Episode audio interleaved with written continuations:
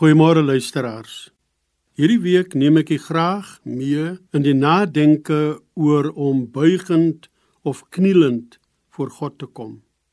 Miskien val die gedagte aan neerbuiging vreemd op die oor, omdat ons mondige mense is wat nie graag buig nie, maar eerder ons ruggens styf maak om regop vir 'n saak te staan.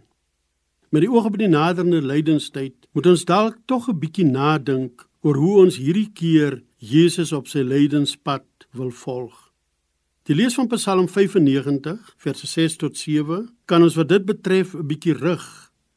Maar laat ek vir u die twee verse voorlees. Kom ons val in eerbetoon voor hom neer. Kom ons buig. Kom ons kniel voor die Here, ons Skepper. Hy is ons God en ons is sy volk, sy kudde, sy skape deur sy hand versorg. Hier is sprake van 'n houding van uiterste ootmoed en eer betoon. Die metafore van om voor God te val, voor hom te buig en voor hom te kniel gee uitdrukking aan die gedagte van my allerbeste vir sy allerhoogste.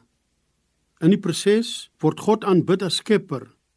Hy word aanbid as redder en as onderhouer met wie daar 'n intieme verhouding lewe tussen God en sy eie mense of soos tussen 'n herder en sy skape. Vir 40 jaar sou God se volk hierdie ervaring hê dat die God wat hulle gemaak het ook red en sorg. Dalk is dit ook geruime tyd al u ervaring dat God red en dat hy sorg. En daarom vra ek u om vandag te sing uit volle bors Ek wil die Here loof. Ek wil die Here dank. Ek wil die Here dien. Here God, ons kom met opgehewe hande en geboë knieë voor U om eer, lof en aanbidding aan U toe te bring. Amen.